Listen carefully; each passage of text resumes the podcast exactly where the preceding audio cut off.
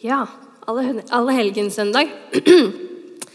Kjenner det litt sånn ambivalent, nesten. Å snakke, altså, den dagen her, sånn generelt. Og det å skulle tale på den er nesten litt skummelt. Eh, For som Stine sa, så er det egentlig en skikkelig festdag. Eh, Den liturgiske fargen er hvit. Det er ikke så veldig mange dagene som har det. Det er de ordentlige festdagene. Eh, og tekstene våre de snakker jo om himmelen, eh, eller himmelen, som jeg fikk beskjed om av Kjetil å si. Og det håpet vi har, det er ganske sånn happy-clappy på mange måter. Eh, og på samme måte så er det en dag hvor vi på en spesiell måte husker på, på disse som har dødd. De vi har vært glad i, som, eller er glad i, som har gått bort. Og det er både godt og vondt. Ehm, ja. Så vi skal prøve å eh, snakke litt om denne balansegangen her. Ehm, som Stine sa, så er på en måte overskriften for eh, denne talen og dette møtet er himmelen. Eh, og Det er ganske vanlig å starte med å lese søndagens tekst. Ehm, det gjør jo de aller fleste talere. Jeg pleier å gjøre det sjøl òg. I dag skal jeg ikke gjøre det. Ehm, I dag eh, skal jeg begynne å snakke litt om himmel og om jord. Jeg vet ikke hvor stødig dere er i engelsk. Heaven er himmel, earth er jord. Eh, og jorda kjenner vi jo ganske godt, liksom. Vi, vi bor her. Eh, vi, vi kan beskrive den ganske greit. Eh, ja, vi kjenner alle jorda ganske godt. Eh, mens himmelen, den kjenner vi ikke så godt. Der har vi ikke vært. Eh, Bibelen snakker jo en del om himmelen, men eh, det er for det aller meste i bilder. Nå, vet jeg ikke, nå ser jeg at det er hakket dårligere oppe på skjermen. Um, men de bildene vi har, det er jo da av engler, og det er masse vinger og skapninger vi aldri har hørt om før.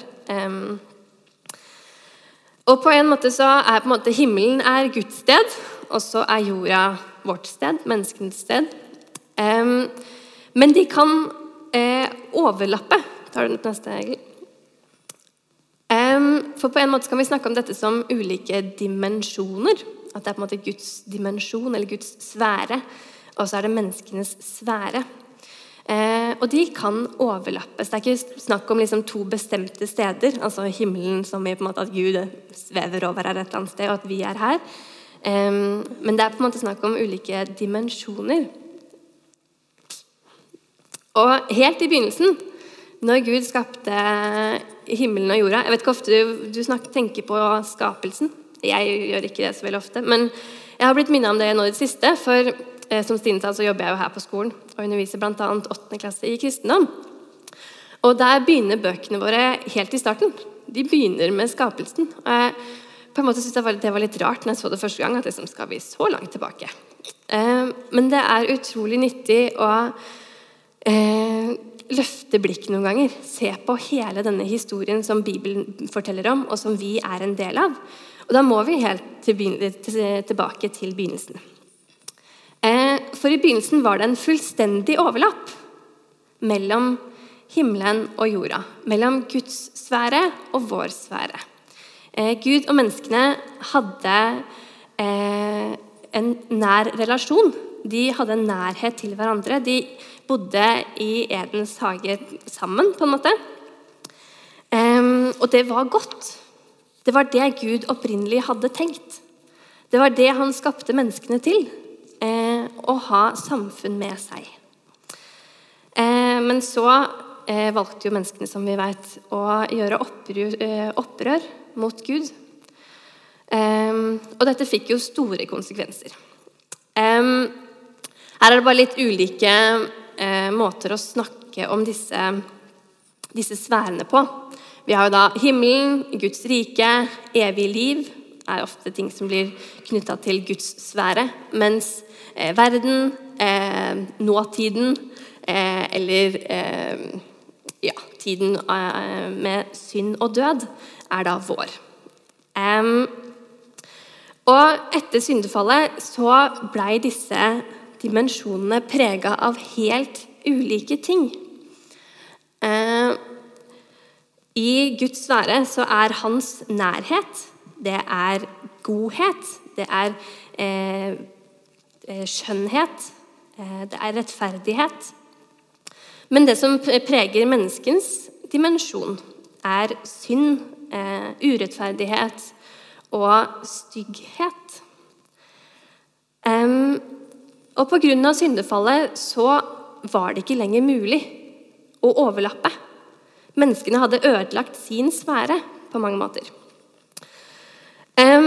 Men noe jeg syns er kjempefint i Bibelen, er at uansett hvor mye menneskene tar og ødelegger det oppdraget de fikk, eller gjør noe gærent, eller gjør oppbrudd mot Gud, eller messer opp et eller annet, så er Gud der nesten med en gang og sier at ja, men du hva, jeg har en plan. Jeg skal redde deg tilbake. Eh, og for eksempel så syndefallet altså det hun Eva spiser av, eh, av tre, tre, i hagen eh, Det står om i Første Mosebok 3,6. Mens allerede i Første eh, Mosebok 3,15 så er Gud på og sier at ok, men jeg har en plan. Jeg vil få dere tilbake. Um, og så er denne planen en ganske lang plan. Vi kjenner historien til Bibelen. Eh, så først så var alternativet eh, dyreoffer. For å kunne på en måte få en liten eh, flik av overlapp. At man kunne være i Guds nærhet. Det skjedde i tempelet.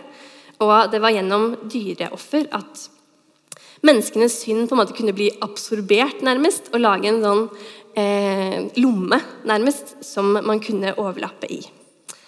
Um, og så sendte jo Gud Jesus.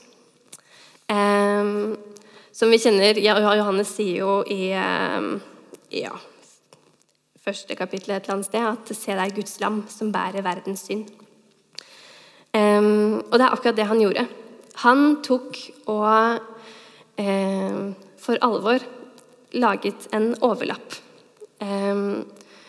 og denne kan spres utover i jordas sfære. Så det er her vi er nå, på en måte, eh, med disse illustrasjonene. Jesus døde på korset, og han har sona for våre synder, men fortsatt så preges vår verden og vår sfære av synd og av ondskap. Eh, og denne er ikke slutt enda. Eh, men en gang i framtida så skal Gud skape en ny himmel og en ny jord. Han skal ta et oppgjør med all ondskapen. Eh, og han skal lage egentlig det han gjorde i begynnelsen. I begynnelsen så laget han en hage hvor menneskenes og Guds sfære var ett. Og det er det han skal gjøre til slutt. Eh, da snakker man om en by og en hage, litt sånn blanding. Det nye Jerusalem. Som skal være en komplett overlapp av menneskenes og Guds sfære. Vi skal igjen få være i nær værværet til Gud. Um, og vi er mennesker som Adam og Eva. Vi er skapt som Adam og Eva eh, til å ha et forhold til Gud. Og vi kan få det til en viss grad her på jorda. Eh, når vi kommer i kirken, når vi ber, når vi låssynger, når vi leser Bibelen. Eh, men her framme så skal vi få det fullt ut. Det er det vi dypest sett lengter etter. Så dette var en liten sånn recap av egentlig hele bibelhistorien. Eller egentlig hele historien. Um, illustrasjonene er fra noe som kalles The Bible Project. Um, hvis Tweens ikke hadde vært ute, så kunne elevene mine bekrefte at jeg er glad i de. um, de er veldig opptatt av at, å se Bibelen som én helhetlig historie. One unified story, sier de i alle filmene, i hvert fall ti ganger. Eh, altså, og det tror jeg vi kanskje glemmer noen ganger. At vi kan se på liksom et stykke i Bibelen og så på en måte Ok, ja, det var fint, flott. Men at vi kanskje liksom glemmer hele denne sammenhengen. At vi lever i eh, i verden som er på en måte Det hadde en begynnelse, og det vil flå en ende. Og det tror jeg vi har godt av å tenke på. Og Det er jo her da eh, vår lese, nei, prekentekst kommer inn. Den er fra Jesaja, kapittel 60, vers 18 og 19. Så om du trykker midt i, Egil Ja. Ingen skal høre mer om vold i ditt land, om herjing og ødeleggelse innenfor dine grenser. Du skal kalle murene dine frelse og portene dine lovsang. Solen skal ikke lenger være ditt lys om dagen. Måneskinnet skal ikke lyse for deg. Men Herren skal være ditt lys for evig. Din Gud skal være din herlighet. Din sol skal ikke mer gå ned. Din måne skal aldri avta. For Herren skal være ditt lys for evig. Sørgedagene dine er til ende. I ditt folk skal alle være rettferdige. De skal eie landet til evig tid. De er et skudd i min hage, som hendene mine har laget til min ære. Den minste skal bli til tusen, den ringeste til et mektig folkeslag. Jeg er Herren. Når tiden er inne, lar jeg det skje i hast. Så det er altså en beskrivelse av himmelen, på en måte. Det høres jo ganske bra ut, da. Gjør ikke det? Um, litt sånn uh, bakgrunnsstoff, litt om Jesaja. Um, han levde jo på rundt 700-600-tallet før Kristus. Altså ganske lenge siden. Var profet i Juda, altså Sørriket, når det var Nordriket og Sørriket. Og i løpet av um, Jesaja-boka så snakker han til tre ulike epoker. Og på en måte tre ulike grupper av tilhørere, selv om han snakker til de samme menneskene. I de første 39 kapitlene så snakker han til sin samtid, eh, Juda. Eh, og han, eh, Der er det ganske hardt eh, domsbudskap over deres umoral og at de har vendt seg bort fra Gud. Mens eh, kapittel eh, 40-55 handler om eksilet i Babylon, og hvor han trøster de som er der. Um, men det skjedde jo da på 500-tallet, så altså rundt 200, 150 år etterpå. Så driver da Jesaja og kommer med et trøstebudskap litt på forhånd. Så har man det når man trenger det. på en måte. Um, mens de siste kapitlene, 56-60, snakker til de hjemvendte fra Babylon. Altså etter eksilet. Um, så altså på slutten, eller, ja, slutten av 500-tallet nærmere Kristus, altså. Eh, av dette, at man snakker om liksom tre perioder, så er det noen som mener at Jesaja umulig kan ha skrevet hele boka. Eh, men ja. Eh, det er argumenter for at han har gjort det, eh, så jeg tenker vi kan stole på det.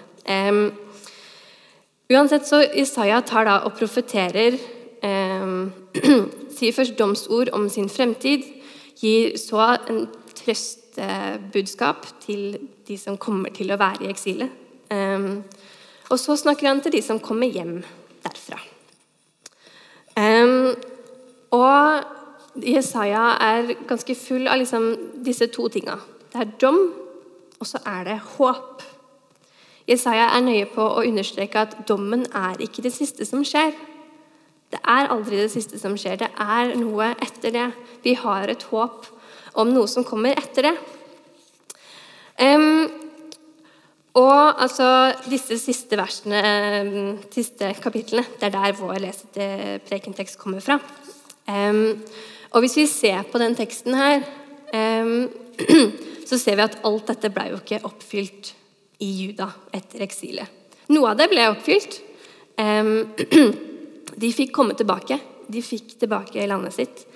Um, så eh, man kan snakke om at eh, Jesaja profeterte både om den tida, men også videre. Og Så kan vi se på samfunnet vårt i dag.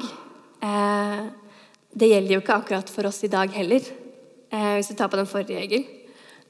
Eh, F.eks. at vi aldri skal høre mer om vold. Det er ganske mye snakk om vold.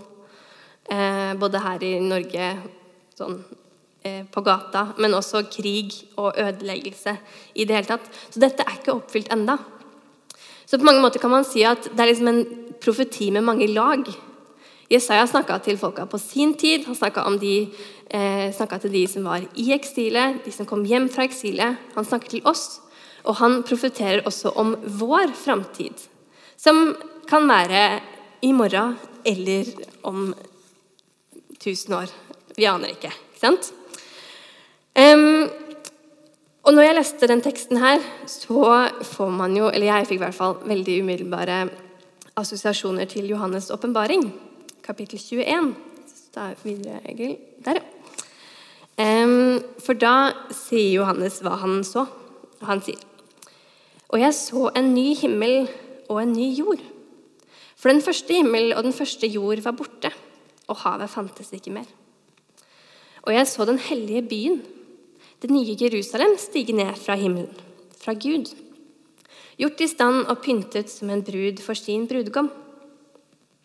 Og jeg hørte fra tronen en høy røst som sa, Se, Guds bolig er hos menneskene. Han skal bo hos dem, og de skal være hans folk. Og Gud sjøl skal være hos dem. Han skal være deres Gud.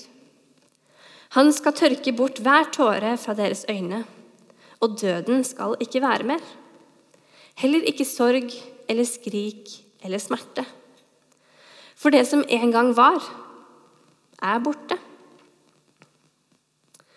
Så nå er det altså to tekster som snakker om himmelen. Jeg vet ikke åssen forhold du har til himmelen.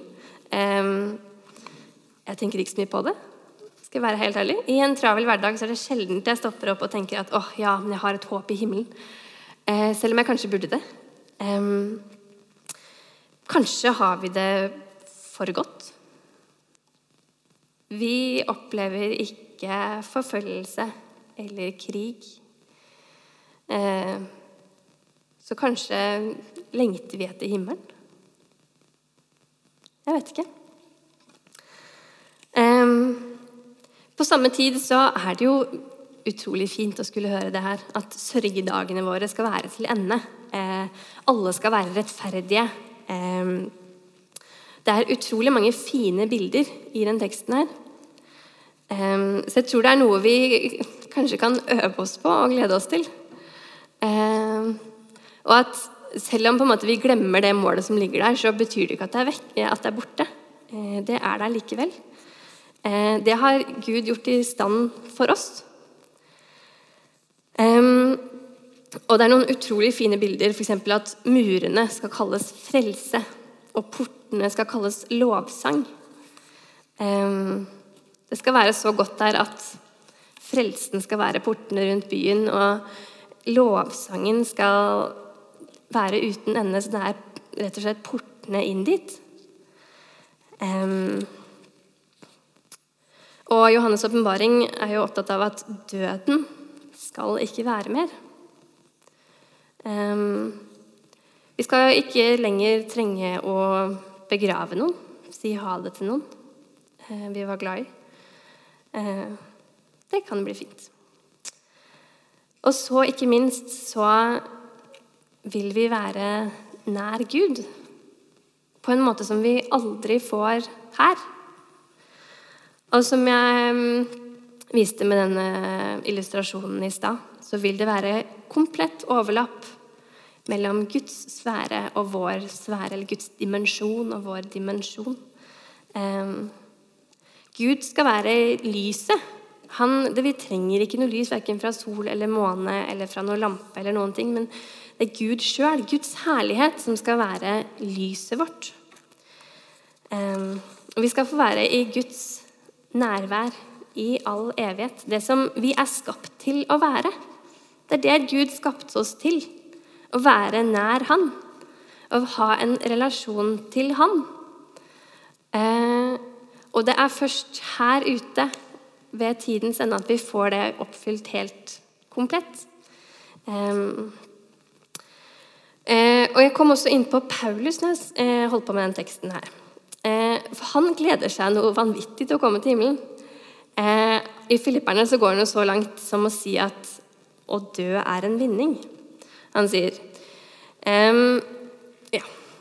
Å leve, for meg, leve er for meg Kristus, og å dø en vinning. Men hvis jeg får bli i live, kan jeg gjøre et arbeid som bærer frukt. Og da veit jeg ikke hva jeg skal velge. Jeg kjenner meg trukket til begge sider. Jeg lengter etter å bryte opp og være sammen med Kristus, for det er så mye, mye bedre. Men for deres skyld er det mer nødvendig at jeg fortsatt får leve.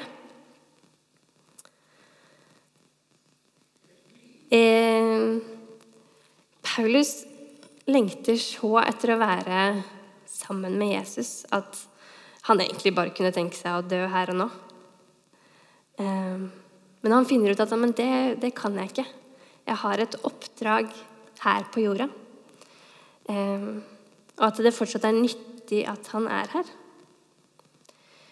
Kanskje, altså Det blir kanskje å tenke litt stort om det, men på en måte gjelder det også. Vi har det samme oppdraget som Paulus hadde.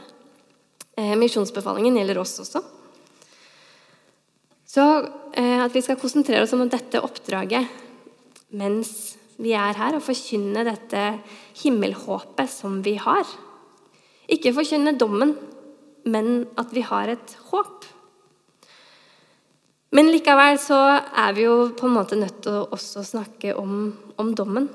Um, selv om disse tekstene er ganske ja, happy-clappy, i mangel på et bedre ord, um, så kan vi jo omtrent ikke snakke om himmelen uten å snakke om dommen.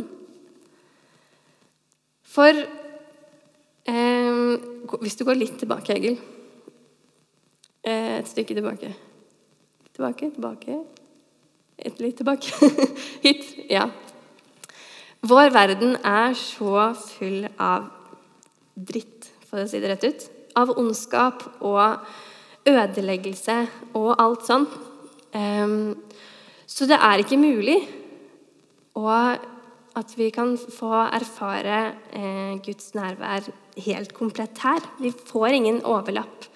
Eh, Gud må først ta bort all denne ondskapen, og da trengs det en dom. Og på en måte er jo det veldig fint. Eh, all ondskap, all ødeleggelse, all, all negativitet skal en gang ta slutt. Samtidig så er jo det ganske skummelt. For hvis jeg ser på mitt eget liv og meg sjøl, så er det mye ondskap også i meg.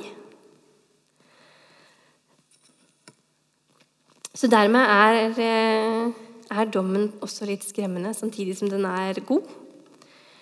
Men da har vi det håpet at Jesus døde for oss. Han døde for deg, og han døde for meg og for mine og dine synder.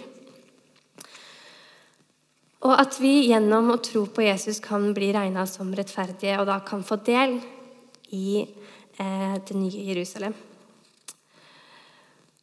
Og nå er det jo ikke sånn fryktelig populært å snakke om dommen i dagens samfunn. Det er jo mange kristne som avviser det, som sier at Gud er god. Eh, det kan ikke finnes en fortapelse eller en dom. At livet kan ikke ha to utganger er det ganske mange som sier. Um, men Bibelen er ganske så klar på det. Um, og dessuten hvordan man trenger et oppgjør. Hvis Gud er, Gud er god, ja. Og han har ikke tilintetgjort ondskapen enda. Og det kan være vondt. Men det vil ikke si at han ikke vil gjøre det. Han vil gjøre det på den ytterste dag. Eh, Og så er det viktig for oss å huske på Nå eh, er det heldigvis ikke vi som skal dømme. Vi har jo lett for det noen ganger, eller i hvert fall har jeg. Men det er heldigvis Gud som skal dømme. Det er han som skal bestemme. Og det er tilgivelse for alt. Eh, husk på røveren på korset, f.eks. Den eh, ene som hang ved siden av Jesus. Han hadde gjort noe som var så alvorlig at han fikk dødsstraff. Um, likevel så spurte han Jesus uh, om uh, Han sa, 'Jesus, husk på meg når du kommer i ditt rike.' Og da sa Jesus, 'Sannelig, jeg sier deg, i dag skal du være med meg til paradis. Det er altså tilgivelse. Eh, men vi må komme til Gud med det som trengs å tilgis. Eh, og vi vet ikke når denne dommen vil komme. Eh, det kan jo skje etterpå. Det kan skje neste år. Om 100 år, 1000 år. Vi aner ikke. De første kristne trodde at det var ganske nærstående. Det vet vi nå at den ikke var for dem. Og som vi vet, så kan livet være krevende.